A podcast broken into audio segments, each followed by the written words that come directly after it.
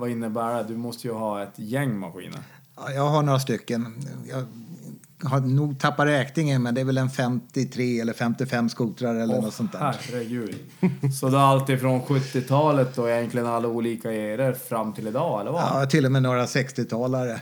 Ah, shit. Och sen all, ja, massor mer. Trippen som du pratade om, där har vi ju kvar och lite annat. Och...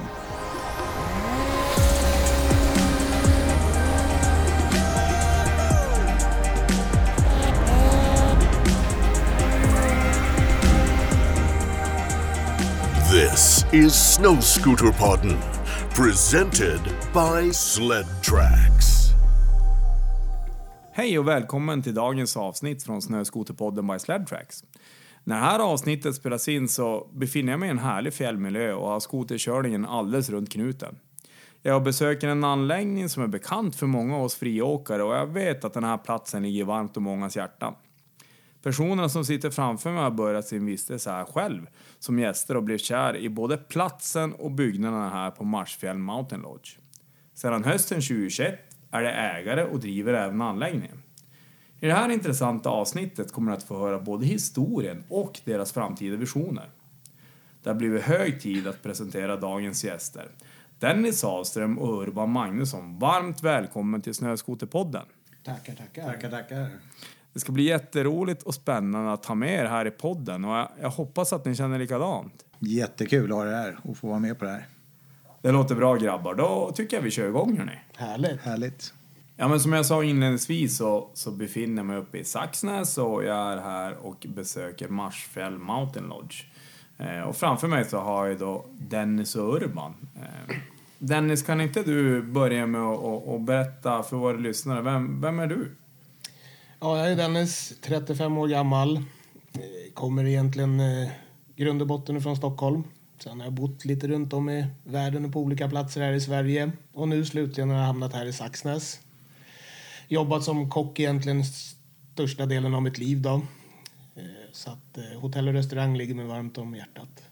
Just det. Ja, då, då kan ju en sån här anläggning vara rätt lämplig. Ja, det var lite som handen i handsken. Ja. Och så älskar jag ju snöskoteråkning också. Så att, Ja, det är givetvis ett plus i kanten. ja, Men eh, Urban, eh, vad, har du för bakgrund då? Urban Magnusson heter jag. Jag är 62 år och eh, friåkning började jag lite senare i livet men jag har åkt snöskoter sen ja, 80-talet någon gång men på den tiden snöskoter har jag fått det här som intresse. Eh, historiskt har jag drivit bilskadeverksamhet i Stockholm, jag är också från Stockholm och lagat skadade bilar och sådär. Men sen slutade jag med det för ett och ett halvt år sedan och vi kom in på det här och så som jag sa, snöskoteråkning har varit i södra Dalarna med den typen av snö eh, och den typen av snöskotrar då från 70 80-talet som man började på. Okay. Så, så du, har hållit på, du har hållit på med maskiner länge förstår jag? Jag har hållit på med maskiner och bilar och allt med motorer i hela mitt liv. Ja. Men eh, är du född och uppvuxen i, i Dalarna då eller? Ja, jag är född och uppvuxen i Stockholm har ett eh, gammalt släktgård i Dalarna. Ja, ah, just det. Just det. Men, men Dennis, du nämnde lite grann tidigare att du, du kommer från, från hotell och restaurangverksamheten. Har, har du alltid jobbat inom det och har du jobbat bara i Sverige eller har du Ja, men precis. I stort sett har jag egentligen jobbat bara, i, eller som kock då egentligen. Varit runt en del i Sverige, jobbat ifrån norraste delarna till södraste delarna. Jag har bott i Malmö och Köpenhamn i fyra år. Så jag har varit i Thailand en vända. Även i Alperna i Frankrike har jag varit och jobbat i. Och... Så att det har blivit några ställen och flyttat. Men nu tror jag att jag hittar hem här faktiskt. Men då har du hittills fått sett ganska mycket i ditt eh, ändå unga verksamma arbetsliv så har du fått vara sett väldigt mycket olika platser. Ja, men det måste man väl få säga att man ändå har varit. Eh, och det är det är någonting man alltid bär med sig. Och speciellt att komma till andra länder och andra kulturer och förstå sådana saker. Det, det blir en trygghet liksom i, i basen sen i grunden. Så att det tror jag har med mig. Ja, det, det förstår jag. Men alltså jag är så här lite, lite nyfiken när jag hör er båda. Hur, det är ju inte så att när jag jobbar, när jag inte har drivit hotell tidigare och när jag inte är skoterhandlare eller så, när jag inte jobbar med guideverksamhet. Hur, hur kommer det sig att ni tog över Marsfjäll Mountain Lodge? Ja, det är en kul historia. Vi har ju, som jag sa, jag började med friåkning för en 12-13 år sedan någonstans. Eller vi började med det. Och bakgrunden är, vi har ju så att säga hållit till i södra Dalarna och åkt skoter där och sen vart det lite så här, våran grabbhelg vart en grabbvecka och så vart det mer och mer och sen började vi åka lite friåkning och letade djupsnö och på annat sätt och så till slut hamnade vi här uppe efter att ha varit på lite olika ställen. Vi har ju som sagt varit här i tio år innan vi tog över som gäster. Okej. Men eh, ja, och vi förälskade oss i det här och vi lärde känna de gamla ägarna väl och vi gillar stället jättemycket. Det är klart att det fanns en del saker som vi som gäster tyckte var det här kanske man skulle behöva göra eller när man får ta Mm. Ja, men sig. små förbättringar man känner att... Ja. Och sen är det framförallt så, eftersom vi är från Stockholm, vi har suttit och pendlat hit med bil och släp, är 80 mil liksom. Sex skotrar på släpet i snöstorm fram och tillbaka. Det är, det är ganska... Ja, jag tror rekordtiden är 16 timmar. Åh herregud. ja. Ja, det kan vara, ha sina utmaningar. Men vi tittade på liksom, vart kan man vara där man kan tra- transportera sig smart. Det här har vi flygplats på Vilhelmina som är en timme härifrån och flyger till Stockholm två gånger om dagen om man ställer bilen på Vilhelmina. Och, alltså det är hur smutt som helst. Och det var lite det som vi gjorde när vi såg möjligheten att det var det vi efterfrågade när vi var här. Kan vi lämna våra prylar så man kan slipper att dra släpet och åka upp och ner och, och sådär. Sen var det väl lite diskussioner med gamla ägarna. De funderade på vad de skulle göra om man skulle eventuellt stycka upp det här. Då sa vi då kan vi vara intresserade av att köpa någon del eller något hus eller någonting. Och hur länge sedan är det här? Är det, Det är- är det fem år sedan eller? Nej, det är tre år Det är sedan. Tre år sedan. Tre år sedan. Ja. Så att, ja, då började vi surra om det där. Och, mm, vi, vi var ju uppe några vändor och sen ja, växte väl tanken fram och sen till slut så över en öl en kväll så satt vi och surrade så kom vi överens om men vi, vi tar nog över anläggningen. Ja, det låter ju, det låter ju, det låter ju nästan som en saga faktiskt. hur, hur eh, är, är det här första anläggningen ni har, har tittat på när det kommer liksom ett intresse att den här skulle vi vilja få förvalta och driva vidare eller har ni varit nyfiken på det förut också? Nej, inte en sån här typ av anläggning har det inte varit. Utan det här ramlade vi egentligen över. Utan vi tittat, vi är en ganska stor familj. Ja. Ehm, så att eh, vi är ju många, vi är 28, 29 är vi när vi samlas hela kärnfamiljen. Oj!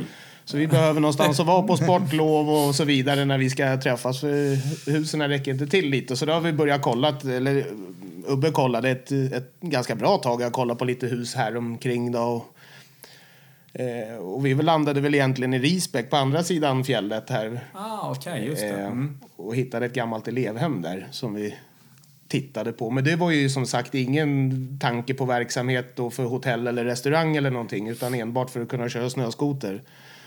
Men det är ändå rätt kul att du säger att det krävs ett elevhem för att ni ska kunna träffas alla.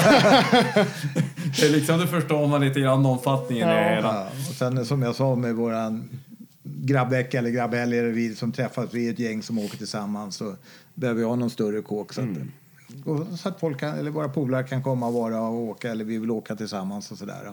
Det var ju tanken med att köpa någonting egentligen att ha ett rejält ställe och där man kan ha skotrarna stående och sådär. Men till det att när vi träffade Ingela Westland då, som drev där tidigare och vi bara surrade och du är kock och gillar att driva restaurang och det finns jättemycket potential här och ut, det finns potential också, vi kommer väl kanske fram till det, men att utveckla den här anläggningen såg vi då att det fanns mycket som man kan göra och det, gå vidare med. Ja, det tycker jag vi har lyckats ganska bra med, med de punkterna vi kände först med. Mm, kul. Men, men det känns som att, när jag sitter och hör båda på, två prata, det känns ju som att det här med, med skoter och friluftsliv, det, är, det, är inte, det är ju, verkar inte bara vara en passion, utan det verkar vara en livsstil för det. Ja, men så blir det ju. Och speciellt när man flyttar upp som här, när man har möjligheten. Alltså bo i Stockholm, all ära, det är jättetrevligt. Men köra snöskoter, fiska, jaga, vandra, det, det är svårt. Det menar att det inte är kärnplatsen man ska börja från då? Nej, det, det går ju att göra det där, men det, det är lite speciellt. Ni säger båda två att ni är stockholmare. Har, har skoter alltid funnits med i era liv? Och har ni alltid varit intresserade av skoter? Eller för min del så är det egentligen... eh, Jag kom in i Ubbes liv när jag var 12. Och jag var väl 12 och ett halvt, 13 eller någonting. Och då var vi uppe på hans släktgård uppe i Dalarna där. Ja. Jag visste inte vad en snöskoter var. jag har aldrig sett en sån här maskin. Jag hoppar på här. Ska vi ta en vänd, vända bort till vändplan här. ja. när vi kom bort dit, då satt jag fastklistrad på den jävla skotern. Det, det gick väl lite för fort, men eh, efter det så var jag hooked. Då, då hittade jag kärleken här i livet. Jag, jag får som uppfattning när du beskriver sådär att det var inte en gammal Ockelbo 300 heller. Nej, det var en Mac en trippel. Eh, Det, det skriker ganska bra om den när man trycker, trycker på. Och Och det, det, var, och det här var i mitten, slutet 90-talet eller ja, precis. Det var i slutet av 90-talet. Den. Ja, då var det, ju- det var ju bland det värre du kunde, kunde sitta på då. Ja, så att eh, då vart jag livrädd och förälskad samtidigt.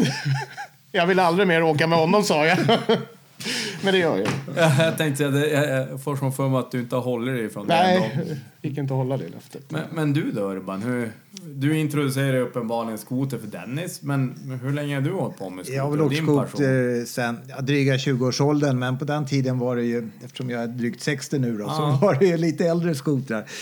Eh, Så min första skoter var faktiskt en gammal AMF från 74, så att, 14 hästar. Så att det har utvecklats lite grann, Du menar att det är lite annorlunda idag? typ.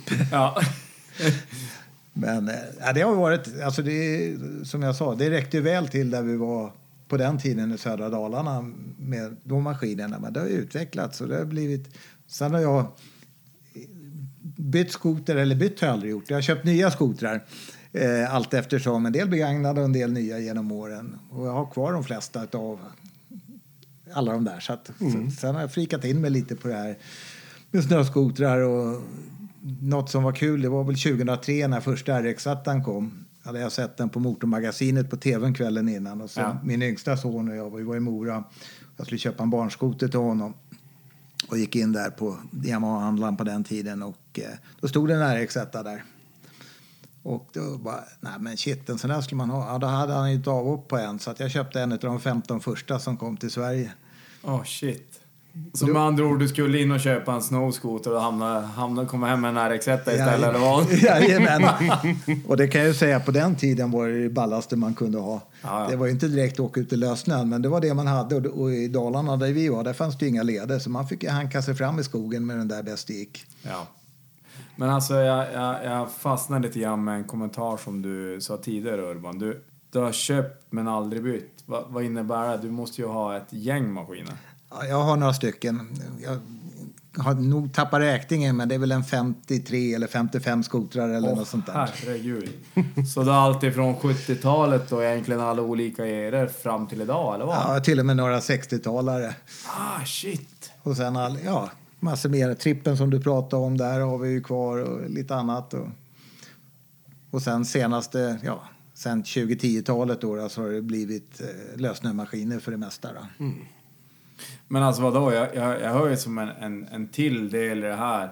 Marsfjäll Mountain Lodge slash museum då, eller vad? Det kanske det blir i framtiden. Vi får väl se. Vi har ju köpt, eh, det finns ju ett bussgarage här i byn som vi har köpt och har dels som lite verkstad har våra grejer i. Men där, man vet aldrig, det kanske blir ett litet museum. Ja, det, det låter skitspännande.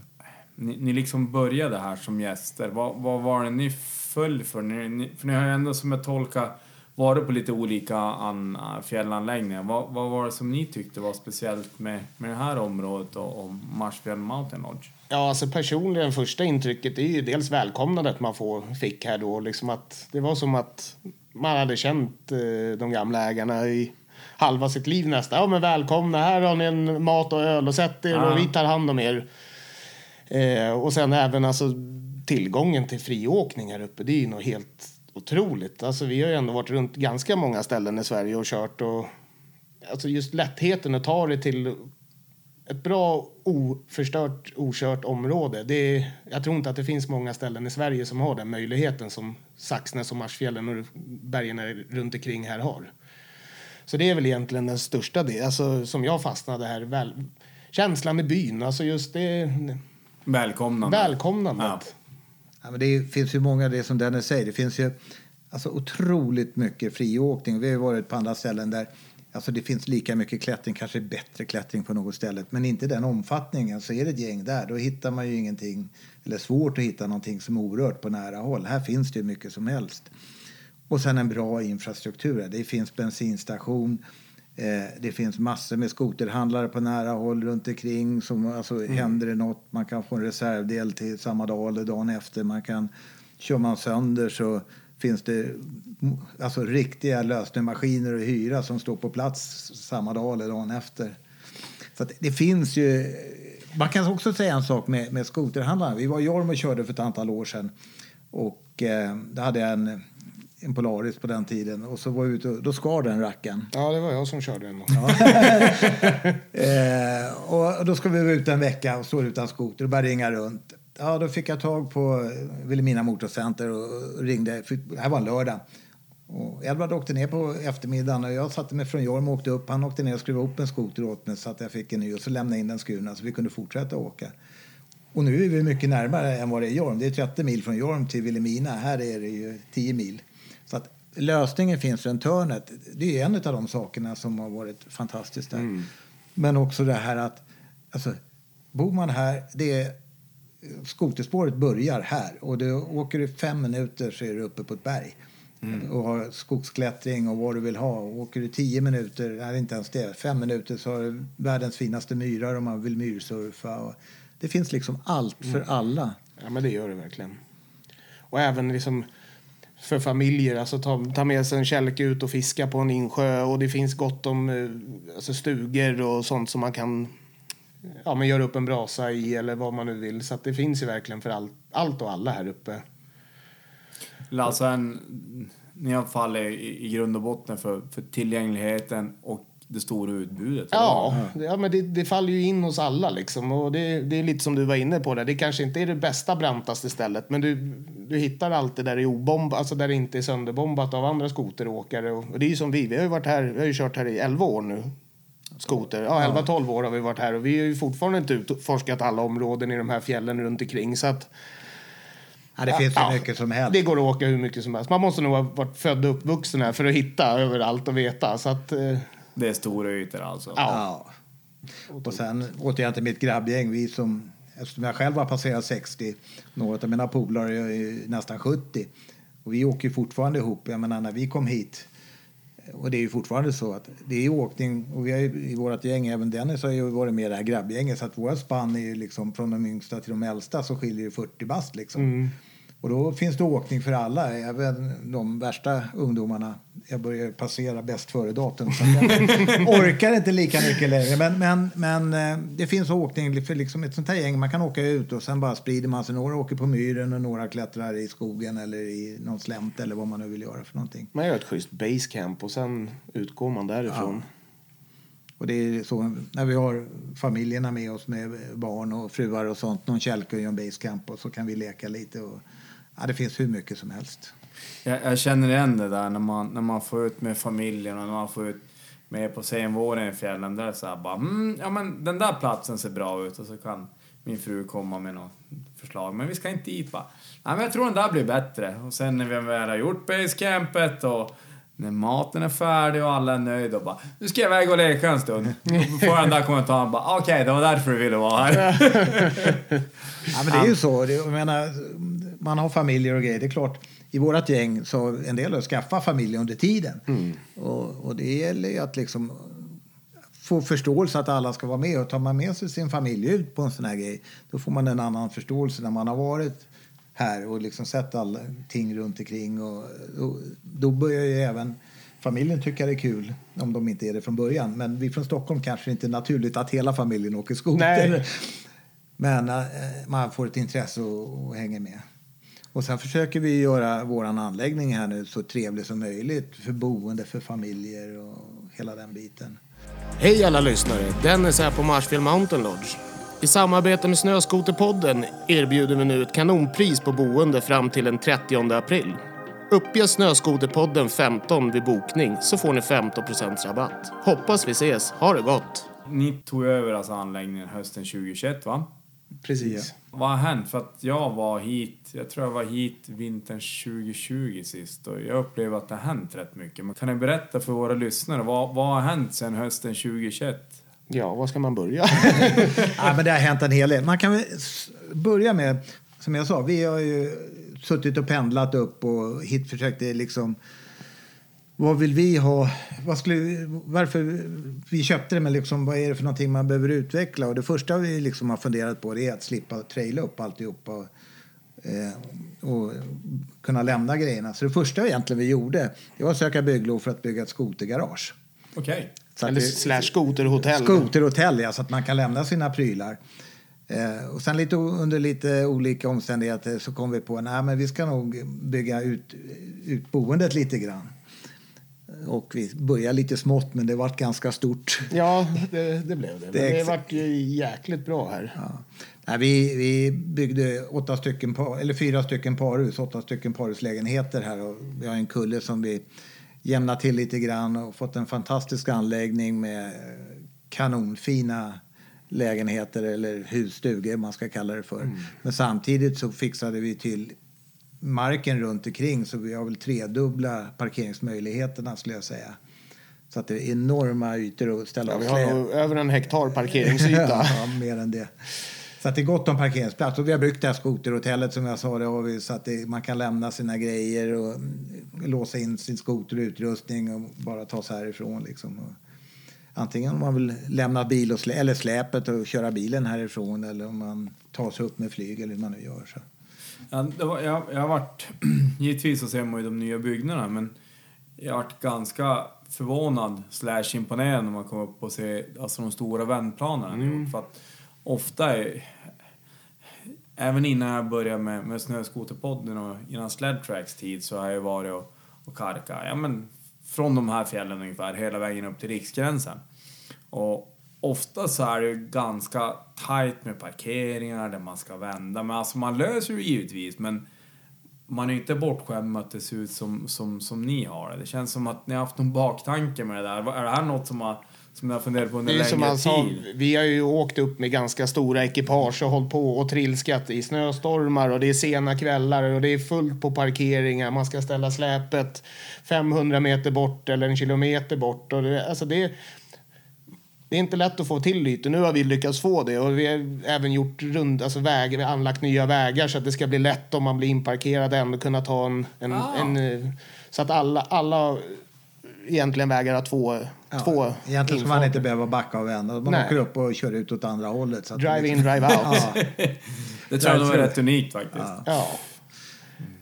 Nej, och det är ju faktiskt någonting som, som är lite problematiskt. Som vi har känt i alla fall. Så att det var Ja, Nej, men det är, och det är många, vi hör ju det också att det är många som uppskattar det. Jag menar, ekipagen blir ju större och större kan man ju säga också. Och bilarna. och bilarna. Nej, men Ja, alltså, det tar ju lite plats.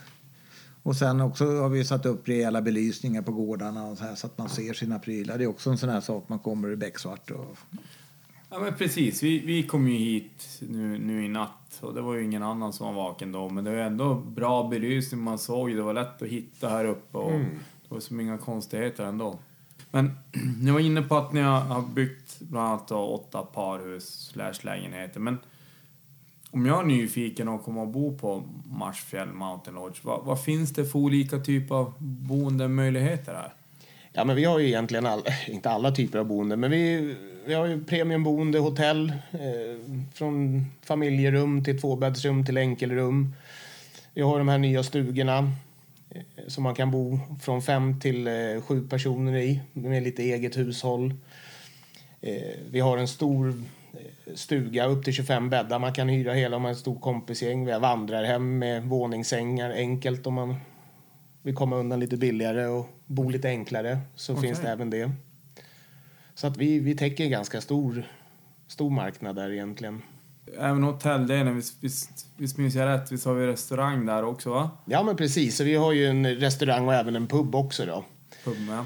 Eh, och restaurangen har vi ju satsat ganska mycket på sen vi tog över också. Det, det var egentligen en, en stor satsning vi gjorde där. Vi har ju bytt ut möbler och, och gjort om en del och sen har vi ju lagt ner otroligt mycket energi. Vi har fått upp, duktiga kockar som har varit här och Kul! Jag är ju själv kock i grund och botten också så det känns ju jätteskönt för mig att, att vi har ett bra team nu. Och det, vi hör det från alla våra stamgäster och folk ifrån byn att, att eh, vi har väldigt bra mat och det är ju kul, det är kul att få det. Ja, den bekräftelsen när man har lagt ner lite tid och arbete på det liksom så det är skitroligt. Så att då kommer man hit och får man god mat, kall öl och, och ett gott skratt, så är det. Ja, men det är väl bra. Jag var inne på hemsidan, ni kör även lunchservering också? Ja, precis. Och det är ju lite nytt också. Det är vi nog ensamma om i hela den här Fjälldalen. fjälldalen. Ja. Nej, men vi är luncher måndag till fredag. Underlaget här, det är ju ganska få människor som bor runt omkring men det finns en hel del fritidsboende och så vidare. Men det är också någonting vi uppmärksammade när vi varit här, man kommer lite off season, så är det stängt. Ja. Alltså visst, du får någonstans att bo, men, men eh, och eftersom vi nu har tagit hit, även med Dennis då naturligtvis, vi har bra personal, bra kockar, bra service. Vi måste ju se till att vi har kan liksom få folk att få ett jobb hela tiden. Så att, eh, vi har satsat på att ha helår, öppet hela året. Vi som Dennis sa, lunch alla dagar, även helgerna naturligtvis. Och så har vi helgöppet och sen lite mer Naturligtvis på vintern har vi öppet alla kvällar och så vidare. Men det finns alltid folk här. Och, eh, är det någon, någon, något gäng som, och det kan vara konferenser, det är klart vi har middagar och vi kör, vi är ganska flexibla med det. Och sen kör vi mycket nu när det är lite säsong med pubkvällar och vi har lite trubadurer och lite sådär. Så att det är ganska trevligt. Och det var någonting när vi var här som vi tyckte var supertrevligt så att eh, vi utvecklade det. Kul. Men, men alltså ni, ni säger att, att restaurangen kommer gå 12 månader runt. Ni kommer, kommer ju köra lunch även på sommarhalvår också. Ja, året runt kör vi och även i lågsäsongen så har vi alltid lunch då, måndag, fredag. Och på lågsäsong när det är som sämst så har vi bara öppet på kvällar, fredag, lördag då.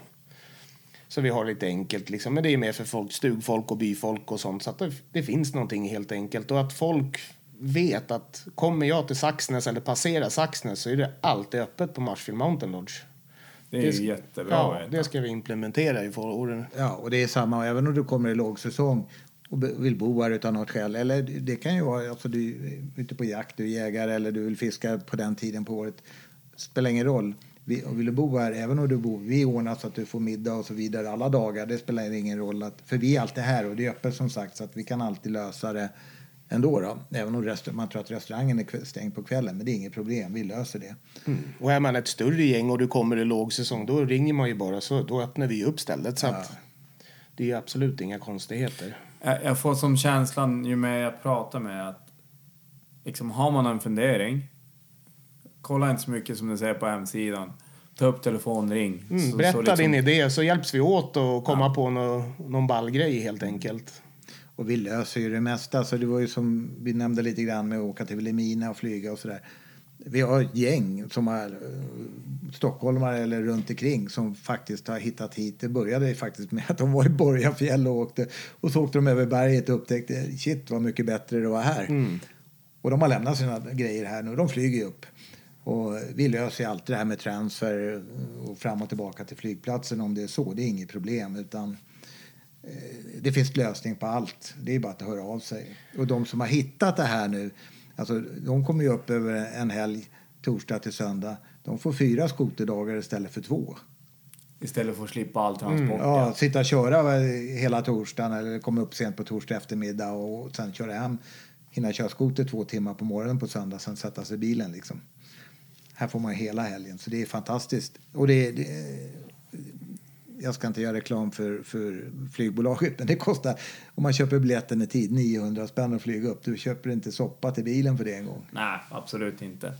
Och, och framförallt inte om du slår ut ekvationen med vad det är för tid i också. Nej, exakt. För det där var som en tanke när jag hört er berätta er bakgrund och hur ni har börjat. Så, så det var som en av mina frågor som jag, som jag hade. Liksom, om, om jag är långväga gäst, går det att göra bra lösningar? Men uppenbarligen så, så har ni svarsportal där. Det var, det var ja, kul, riktigt roligt. Hej! Dennis här på Marshfield Mountain Lodge. Vi har alla typer av boenden, stora parkeringsmöjligheter och körning för alla typer av skoteråkare. Ring mig och boka. Ha det gott! Jag kan vara lite impulsiv ibland trots att jag och så har jag passerat 40-strecket så tror jag, när jag sätter på mig igen så tror jag att jag är 20. Eh, så det kan ju hända att saker går sönder, det kan hända att kläder går sönder, det kan hända att skotrar går sönder. Är ni behjälpliga där liksom? Kan ni, kan ni hjälpa till med mek eller kan ni, har ni kläder att sälja? Vad, vad, vad finns det för möjligheter här? Om jag, kommer, om jag ringer till dig den och säger Fuck, det sket sig idag. Det här har hänt. Kan, kan ni hjälpa till på något vis? Självklart gör vi ju så gott vi kan och i de flesta fall så, så går ju hjälpen fram till 100 procent. Alltså är det utrustning och sånt så är ju vi återförsäljare av skottprodukter så att vi har ju egentligen hela deras sortiment.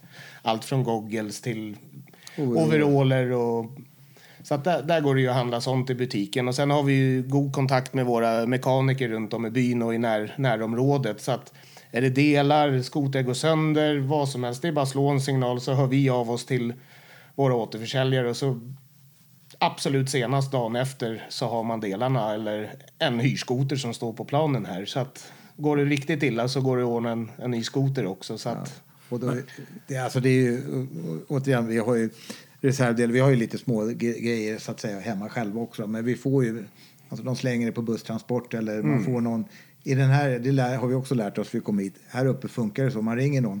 Är du Vilhelmina så tar de med sig prylarna över liksom. Det är, här hjälps man åt. De kan hänga grejerna på dörren på handlaren och sen så tar någon med sig det i bilen på kvällen liksom. Ja, det är ju grymt. Det är Så riktigt, det, sen har vi också, som jag sa, vi köpte det här bussgaraget som vi själva har att mecka lite i. Och som, sen i vårt skoterhotell så har vi gjort ordning så att det finns en del där eh, man kan stå och mecka om man behöver komma inomhus och liksom Annars står man ju i snödriva någonstans. Så att kunna komma in och få, när man behöver laga kan ju också vara rätt skönt. Ja, och det, det där, jag provar båda delarna. Och de ställena där man får stå ute i drivan och skruva kontra de anläggningarna där jag kanske är att ja, men vad fan, dra in skotern i garaget så ni inte behöver stå ute i kylan. Det är ju de anläggningarna man besöker ytterligare en gång. Får stå ute i drivan i minus 20 och skruva, då är det inte så jättekul att få tillbaka dit för att det händer ju till och från att saker går sönder. när man håller Lite på för med den ofta. här. Ja, det är ju lite så. Jag har aldrig varit till, till Saxnäs, jag har aldrig kört de här områdena. Kan ni hjälpa till med guidning och sånt här? Hur, hur ser det ut med det? Ja, det har vi ju också. Vi har ju avancerad guidning, vi har guidning för lavinkurser. Vi kan även få ut folk på en guidning om du vill ut och bara se fjällen, lära dig om fjällen. Gör upp en brasa, fiska lite. Eller bara hitta området och visa runt de bästa åkställena. Alltså, allt ifrån det enkla till det lite mer. Vi kör ju även skoterkliniks, alltså allt ifrån friåknings... Eh, ja, Ah, utveckla okej. din friåkning. Så är man ett grabbgäng så är det ju bara att höra av sig om man är sugen på att utveckla sin friåkning eller man vill ha en lavinkurs eller något sånt där så, så försöker vi sy ihop och personifiera det paketet till dem liksom. Så att, Så med andra ord, det spelar ingen roll om jag är nybörjare, kille eller tjej eller avancerad så är ni behjälpliga och liksom ja, på hela... ihop ett ja. paket. Jajamän. Vi körde ju faktiskt förra, eller förra, förra helgen en klinik här med två grupper och delade, eller det var 16 pers och vi körde i två grupper där det var liksom de som var lite mer avancerade, de som var lite mer, eh, inte nybörjare, men lite mer ovana kan man säga utav friåkning, som kanske åkt mycket skoter men inte friåkning. Där vi gjorde en kombination utav lavinsäkerhet och eh, alltså ren teknikkörning på deras nivå så att säga respektive. Det var väldigt uppskattat.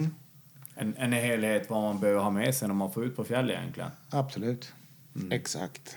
Och just den här som vi, jag har märkt sen vi tog över det här stället, just okunskapen i folk med lavinfaror när de är ute på sådana här områden. Alltså det handlar inte om att det kanske händer, utan men vad gör du om det händer? Alltså ligger din kompis där och du aldrig, alltså det är viktigt sådana där grejer. Och jag menar, man, man kan köpa en skoter för 250 000, ett dekalkit för 5-10 000, men köpa en lavinsändare och en sond för 4 000, det är helt omöjligt. Eller ha, vill jag veta någonting utav det. Så att det, vi är lite på det där och liksom vill, vill ut, alltså utveckla kunskapen bland friåkarna helt enkelt. Det, det känns som att vi, vi har faktiskt gått ganska långt eh, på den svenska sidan under de tio senaste åren bara. Det har ju mycket att ta när det kommer från lavinsäkerhet från, från våra vänner både i USA och Kanada. För de har ju jobbat på ett helt annat sätt eftersom de Även med den gamla generationens maskiner så var ju de i mer utsatta områden än vad vi har varit. Med dagens, eller inte dagens maskiner, men maskinerna som har varit de sista 10-15 åren så har vi kommit på helt andra områden än vad vi har gjort förut. Vilket innebär helt andra risker. Så att jag tycker att det är jättebra att den poängterar säkerheten med, med alltså lavinsäkerhet. Ja, och det är ju också det, liksom det här med skotrarna. Alltså ta en skoter för 20 år sedan. Effekten är den. Vad kunde du göra med den kontra en, en ny maskin nu? Alltså det, det är helt andra saker och det, det krävs lite eftertanke för att ha- hantera dem. Ja, absolut. Och det händer ju grejer, liksom även kanske inte laviner, men det händer olyckor och det, alltså man behöver vara lite förberedd. Det jag menar, det är 20 grader kallt och man kör sönder och blir nedkyld. Alltså, har man tänkt efter vad, vad är det för situation jag ger mig ut i? Det är mycket sånt där som... Och vi jobbar med flera, eh, både guider och eh, vad ska man säga, instruktörer på de här bitarna. Så att vi har ett ganska brett skotertänk. Och vår historia är också, faktiskt också så att när vi började med friåkning då gick vi på lite så här olika clinics. Och en var faktiskt med Chris Brown från Kanada där och åkt flera gånger med honom. Både har varit i Kanada och med honom, han har varit här och åkt med oss. Och det var liksom en ögonöppnare för oss att förstå det här med risker och ja, Ja, man hade ju aldrig tänkt på det när man suttit och bränt runt där nere i Dalarna. eller liksom, och sen kommer man på en sån här ny lösnummermaskin och bara wow vilken backe eller wow vad häftigt och körde precis som man gjorde förut. Men sen säger någon till att ja, kolla där har du gått den och just det, så ser det ut. Eller ja. Så att nej, det, var, det är nyttigt med såna utbildningar. Och, En, en annan grej som jag har suttit och tänkt på när vi, när vi pratar. Vad, vad vill ni förmedla för känsla när man, när man kommer in och ser det här? Vad, vad vill ni för, förmedla för känsla om, om Marsfjäll Mountain Lodge? ja, men det är väl egentligen den här hemma hos-känslan. Eh, Det ska vara avslappnat, det ska vara bra service, det är trevlig personal. Du ska fråga det du känner. Kom med underställ och du behöver inte känna att det är... Du, det är som att du är hemma i din fjällstuga helt enkelt. Och sen är vi där för att hjälpa dig och ha en trevlig vistelse. Ja, det låter ju det låter jättebra. Sen är ju alltså, vi är ju skoteråkare och vi gör det här för skoteråkare. Vi håller oss till skotersäsongen så att säga. Vilket gör att ja, det ska, man ska känna sig som man är en i gänget. Man kommer hit, spelar ingen roll. Utan vi skoteråkare och kommer, det är ofta så. Det ibland kommer en del som är ensamåkare och kommer upp och åker här. Man blir en i gänget. Det är liksom, Ja, det är det som är så härligt att det kan komma upp en, en random. Ja. Och sen ja, men han är, märker man av lite hur han är och så har vi någon annan stammis här. Då sätter man dem vid samma bord och så nästa dag så är de ute och kör tillsammans. Så att det, är, det är det där som är det härliga liksom att samlingen egentligen runt middagen och snacket och ja, Helheten. helheten. Vad har ni för vision med anläggningen? Ja, vi ska ju, alltså, som jag sa, när vi tog över det här, vi har gjort otroligt mycket på två år. Eh, och se, det finns väldigt mycket kvar att göra som vi eh, kanske inte ska göra i samma takt som vi gjort nu. varit lite häftigt. Men vi vill ju utveckla den här, våran verksamhet naturligtvis, men också byn Saxnäs som vi är i. Eh, Det är 150 boende, fastboende här. Men det byggs lite fritidshus, men det finns inte ett, det finns inte ett hus att få tag i här. Så att säga. Men, men vi vill hjälpa till för att verka för att det ska liksom bo- gå, vara och bo i Saxnäs. Och det finns ju då alltså affär, det finns skola, affärerna har utlämningsställe för systembolag och post och alltihopa det där. Så det finns ganska bra service. Och där måste vi hjälpa till att om vi kan växa och vi kan utveckla det här så skapar det också arbetstillfällen lokalt också för att folk kan bo kvar här och servicen finns kvar. För bara mängden människor som bor här, det försörjer ju inte liksom affär och bensinmack och, och allt, eller bensinmack, men att de har pumpar och bensin och diesel och så vidare. Det skulle inte finnas om det inte fanns eh, gäster som kommer hit på, vårat, på vår anläggning. Så att det, det är jätteviktigt också för framtiden. Och det blir- blir ju så här, man måste ju tänka efter. Om vi utvecklar det här så att det finns den här servicen för alla som vill komma hit och besöka det, då är det enklare att komma hit och besöka det. Men så är man många andra ställen där det inte finns eller man inte, ja, där inte de här servicen finns. Det blir ju jättejobbigt för mig som gäst om det inte finns bensin, det finns ingen affär, jag har glömt att handla någonting, ja, har ingen olja till skoten, då står jag där. Eller tagit med mig för lite bensin, det gick alldeles för mycket, det gick för tungt. Står Det var för bra körning. Det gick Ja, för mycket, körning. det gick för mycket Ja, men- soppa. Ja, men det, det skulle ju vara katastrof liksom. Så att den servicen som finns likväl om man nu ringer och beställer i förväg till, till, på Systembolaget så står en back öl i affären när man kommer hit. Man slipper om man nu flyger upp eller tas upp, slipper släpa det liksom. Så det, det är världens bästa service. Alltså. Ja, det är det. det, För att vara en liten fjällby som Saxnäs så är det otroligt... Och just alla drar och hjälps åt i den här lilla byn. Det är det som, och då får man ju geist lite själv och jag- alltså vilja bygga vidare på det här. Det är ju inget femårsplan på det här projektet som vi har utan det är ju det är ett det är livsprojekt. ett livsprojekt helt enkelt. Och, och hoppas kunna förvalta det här så länge man orkar. Så länge man orkar och lever. Sen har vi, jag menar, det har vi inte nämnt, men vi har ju också alltså, jätteschysst ute. Vi har ju bastu inne naturligtvis, med en jätteschysst utebastu med bubbelpool och grejer. Och, Och där har vi ju byggt ut uteservering. ja, så att vi har ju en stor uteservering med utekök så att när han kör afterskoter och man kommer hem på kvällen och Lite pompa, en bärs och en jäger där ute. ja, Och, lite varm choklad med någonting i kanske. ja. Grädde då. ja, precis. Nej, men det är lite så här kul grejer och, och vi kommer göra mer sånt och liksom fortsätta de här bitarna och utveckla det och, och även på sommaren, alltså den här uteserveringen. Så att vi liksom... Och det är ju lite det vi började, där tanken började med den var ju egentligen på sommaren i och med att vi har ju en säsong på sommaren också här som är, innefattar jakt, fiske, vandring, ja, svampplockning på hösten och då är det ganska trevligt här med att det är ju ljus dygnet runt. Du kan sitta här ute, avnjuta en härlig middag från restaurangen, sitta och ta ett glas vin eller en cola eller vad som helst. Så ja, Ja.